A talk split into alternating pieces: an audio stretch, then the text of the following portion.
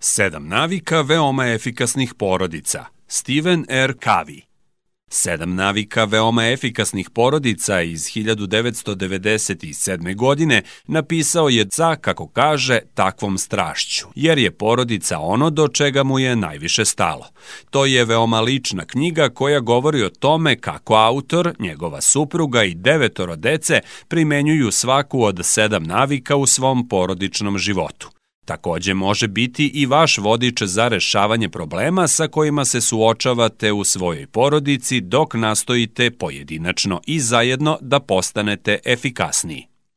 O autoru Autor je međunarodnog bestsellera Sedam navika veoma efikasnih ljudi, koji je prodat u preko 50 miliona primjeraka širom sveta i objavljen je na preko 40 jezika. Naučite kako da promenite svoje ponašanje i pomognete svojoj porodici da postane veoma efikasna. Zamislite da se spremate da letite. Proverite sa pilotom gde ćete danas da letite. On odgovara, nemam pojma. Poletećemo, pratit ćemo vetar i sletećemo gde god želimo. Bez sumnje biste bili prilično zabrinuti, čak i uplašeni. I, velike su šanse, ne biste se ukrcali na taj let. Kao što je avionu potrebna destinacija i plan leta, porodica takođe treba da ima predstavu o svojoj svrsi i destinaciji. Naravno, s vremena na vreme može da skrene sa kursa, ali sa jasnom vizijom te destinacije može se stalno vraćati na plan leta radi navođenja i biti sigurna da će stići bezbedno. Knjiga će vas provesti kroz svaku od sedam navika. Usput će vam dati neke nagoveštaje i savete o tome kako ih možete primeniti u svakodnevnom životu, dok vi i vaša porodica nastojite da zajedno postanete veoma efikasni. U ovim poglavljima ćete otkriti kako da napravite plan o porodičnoj misiji, koji su praktični načini da osigurate da vaša porodica bude vaš glavni prioritet i kako 1 plus 1 može biti jednako 3 ili čak i više. Ključna ideja 1. Prva navika od 7. Budite samo inicijativni.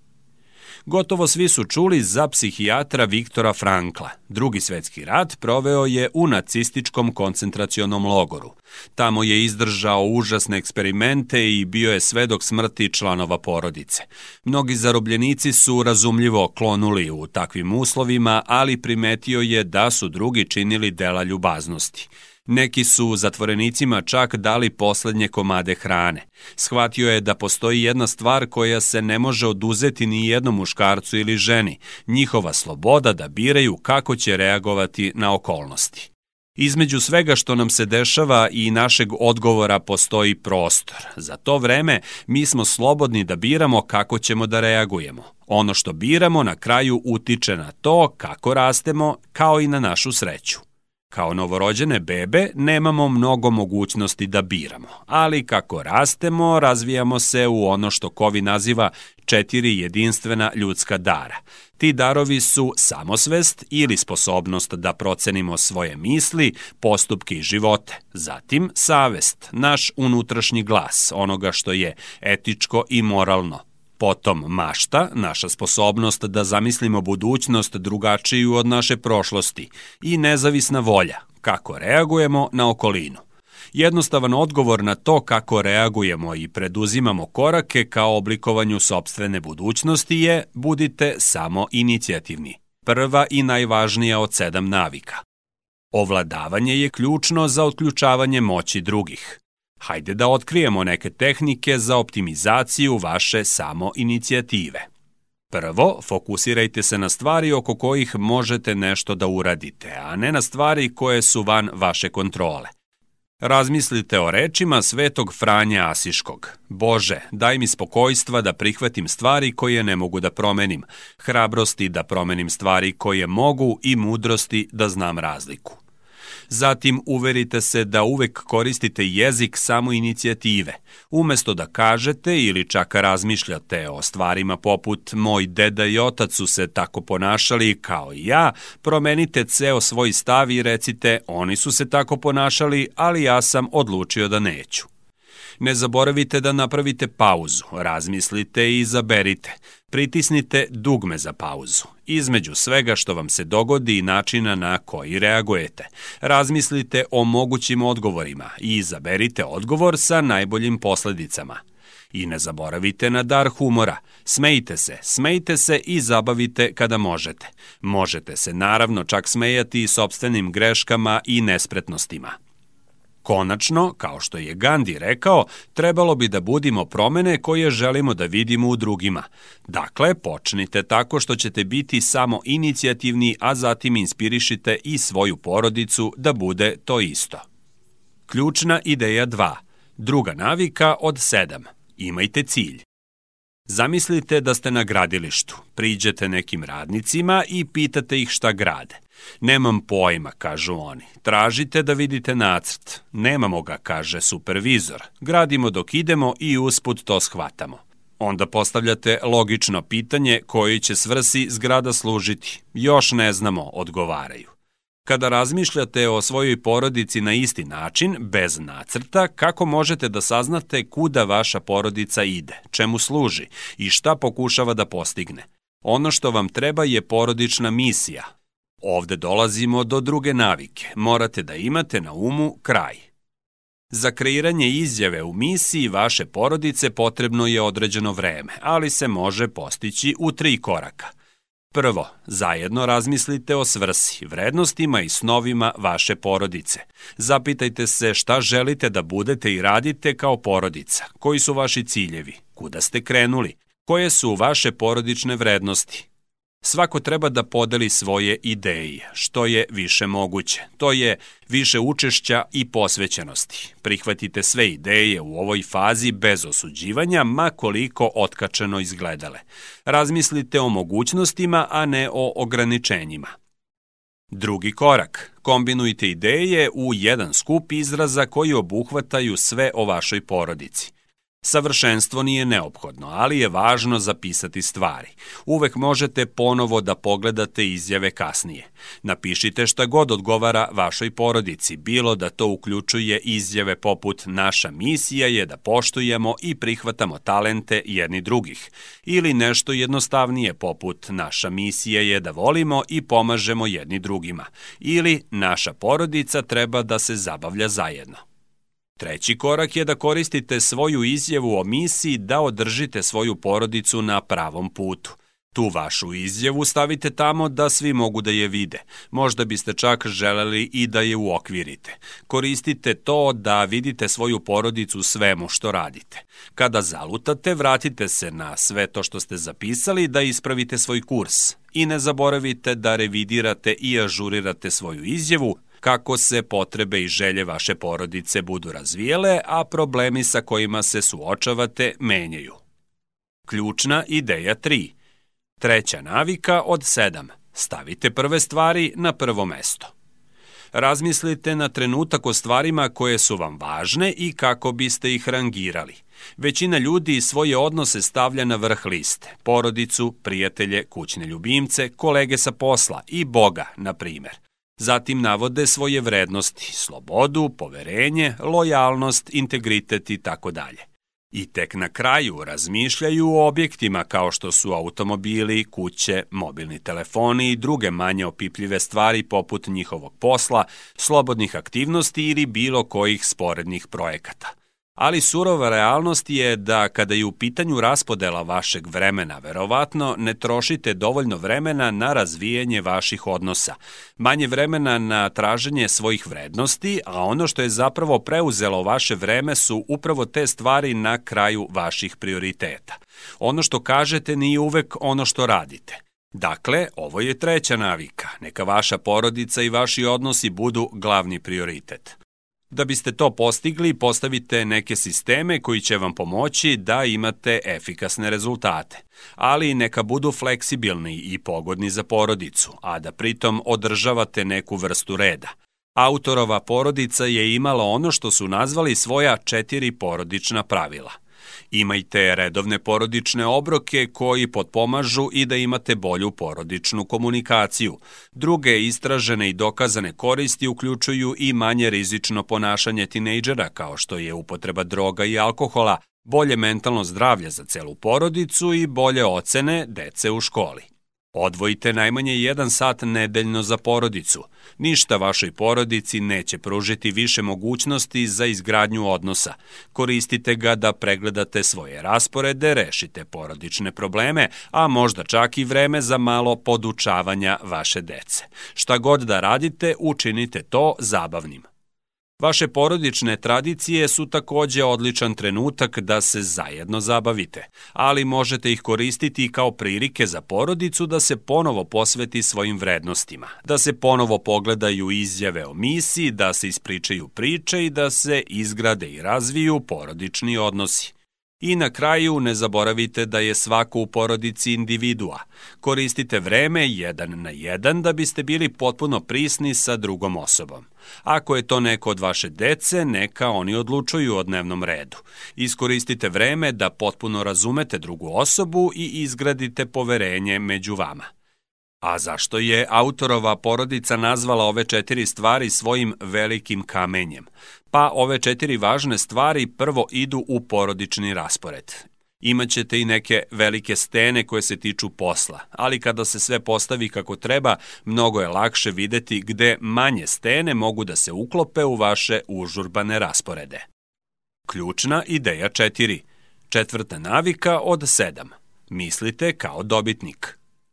Život je ispunjen pobednicima i gubitnicima. U svetu sporta, na primer, može biti samo jedan pobednik NFL Super Bowla – ali nema razloga zašto u porodičnom okruženju treba da postoje pobednici i gubitnici. Situacije poput pobeda-pobeda ili poraz-pobeda stvaraju najmanje jednog gubitnika, a niko ne voli da gubi, a najmanje ne u porodici. Kada se upustimo u bitke pobeda i poraza, mi igramo za sebe. Više nas ne zanima šta je ispravno, samo ko je u pravu i borimo se oko toga ko je najbolji, stvarajući ogroman negativan uticaj na kulturu naše porodice. Kada mislimo da je dobitna naša četvrta navika, usvajamo mentalitet obilja. Ima mnogo toga za svakoga.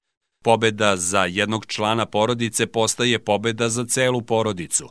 Počinjete da razmišljate u terminima mi, a ne ja, i to stvara poverenje, obostranu korist i pozitivne rezultate.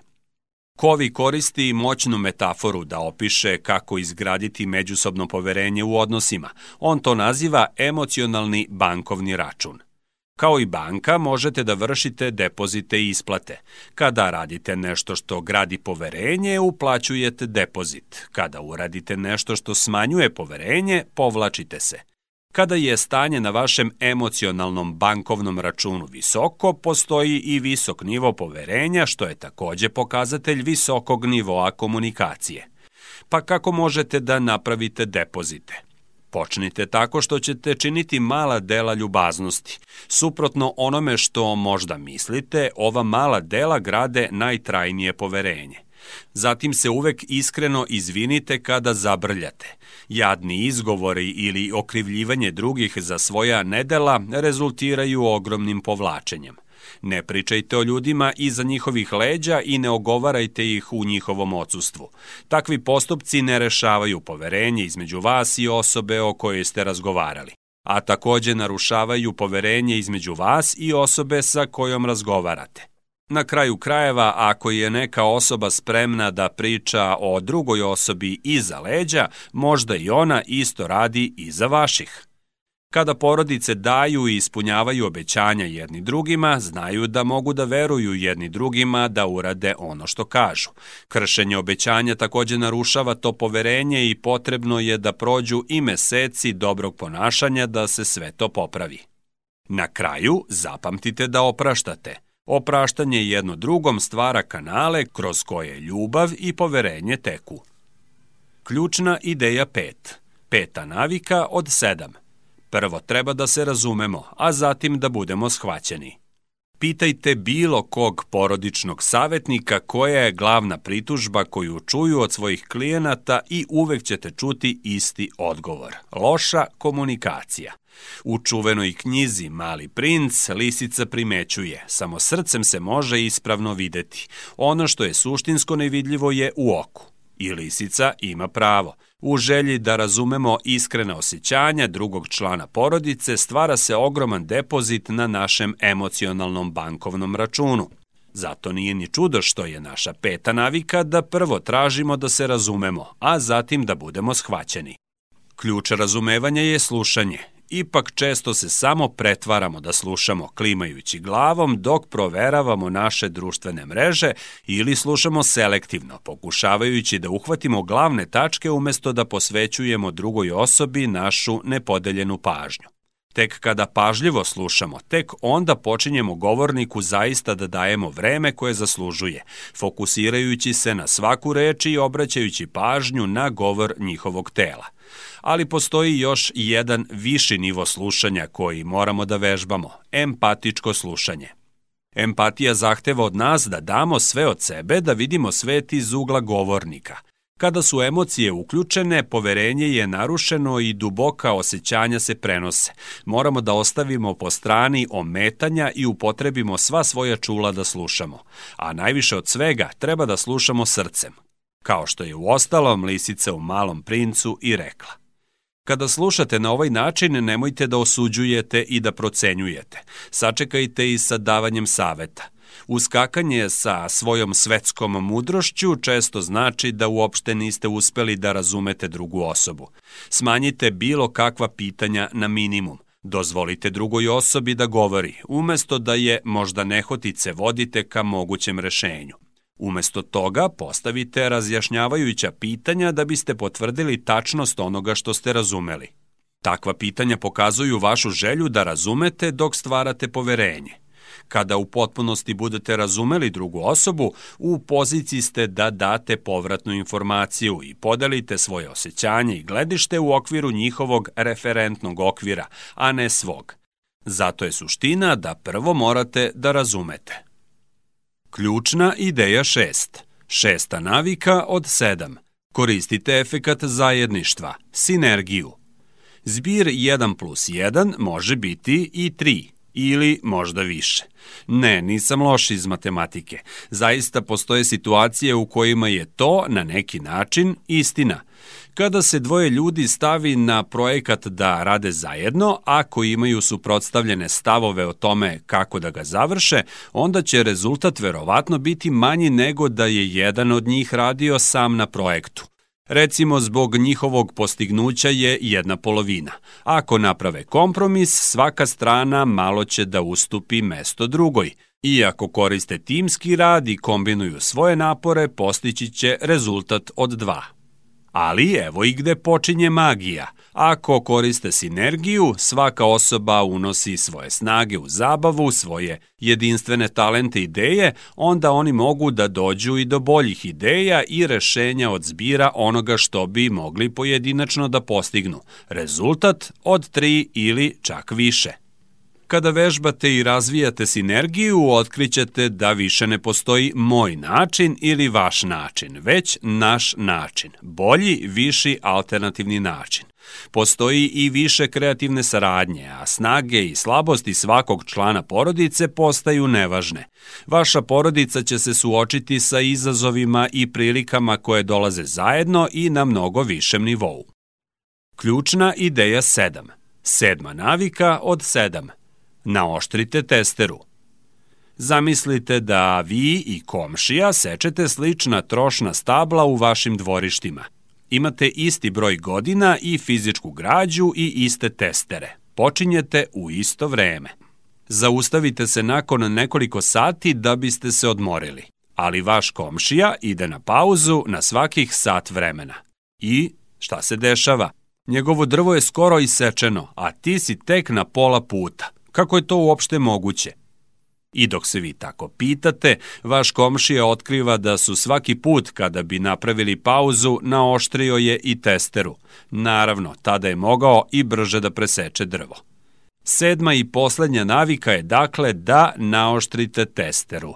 Ili drugim rečima, odvojite vreme da obnovite četiri ključne oblasti u vašem porodičnom životu. Fizičke, socijalne, odnosno emocionalne, mentalne i duhovne potrebe. Nepostupanje u ovim oblastima ili njihovo obnavljanje na kraju dovodi do pogoršanja, tako da je od suštinskog značaja da i pojedinačno, ali i kao porodica, odvojite vreme za obnovu. Isprobajte neke od ovih ideja svaki dan ili pronađite neke od svojih. Kada je fizički deo u pitanju, pokušajte da vežbate više ili jedete zdraviju hranu. Za vaše socijalno-emocionalne potrebe to je stvaranje novih prijateljstava i pronalaženje načina da smanjite nivo stresa. Mentalno, zašto da ne pokušate više da čitate ili da započnete neki novi hobi. I duhovno koristite meditaciju ili čitajte inspirativnu literaturu. A kada je u pitanju porodica, možete da iskoristite i nešto od onog velikog kamena o kome smo ranije govorili. Vreme porodičnog obroka i vreme spajanja jedan na jedan su odlične prilike za zajedničko naoštravanje testere. I naravno, porodični odmori su fantastična prilika za porodične aktivnosti kao i aktivnosti koje uključuju širu porodicu. Zajedničko oštrenje testere pomaže vašoj porodici da razvije osjećaj identiteta, produbi svoju povezanost i pruži vam svima zajednički osjećaj nade. Konačni rezime Ono što treba da zapamtite iz ovoga je sledeće. Ključ uspeha kao veoma efikasne porodice ne leži u vežbanju bilo koje pojedinačne navike, već u učenju i korišćenju svake navike da se napravi razlika. Dakle, hajde da brzo ponovimo sve te navike. Navike od 1 do 3. Budite proaktivni i stavite prve stvari na prvo mesto. Da biste bili veoma efikasni, morate svojoj porodici da obezbedite način razmišljanja, osjećaj pripadanja i prepoznavanje njenih prioriteta. Navike 4 od 6. Mislite kao dobitnik, tražite prvo da razumete, zatim da budete shvaćeni. I sinergija. Obezbedite strukturu i proces za vašu porodicu kako bi radili zajedno na postizanju svojih ciljeva. A sedma navika, naoštrite testeru, opisuje moć obnove koju vaša porodica treba da nastavi da bi ostala veoma efikasna. Učenje ovih navika je stalna aktivnost. Zamislite to kao penjanje spiralnim stepenicama pri čemu svaki korak predstavlja jednu naviku. Kada pređete sa koraka 7 na 8, zapravo počinjete ponovo sa prvim korakom i tako dalje. Svaki put kada ponovo pokrenete navike, vi ste na višem nivou i u boljem položaju da svaku naviku primenite na još više oblasti svog života. I na kraju, evo još nekoliko korisnih saveta. Počnite od sebe. Možete da razmišljate o radu sa sedam navika kao koncentričnim krugovima. Vi ste najudaljeniji od ovih krugova. Kada počnete od sebe, efekti se šire, dodirujući svaku vezu dok ne dođe do svih u vašoj porodici, a možda čak i u vašoj zajednici. Ali, odakle da počnete – Budite iskreni prema sebi i razmislite o jednoj stvari koju više ne želite da radite ili koju želite da radite. Ili o nekoj stvari koju želite da započnete, a koja bi imala ogroman uticaj na vašu porodicu i radite na tome. Napravite jednostavan plan kako ćete održati svoju posvećenost promenama u narednih 30 dana – Zatim podelite svoj plan sa nekim ko će vam pomoći i neko ko će vas ohrabriti i dati vam savet. Neko sa kim možete da proslavite svoj napredak. Kada prvi put radite na sebi, onda možete da krenete ka spolja, primenjujući navike na jedan konkretan porodičan odnos, a zatim i na celu porodicu. Konačno, vaša porodica bi mogla da razmisli o tome kako bi korišćenje navika moglo da poboljša i čitavu vašu zajednicu.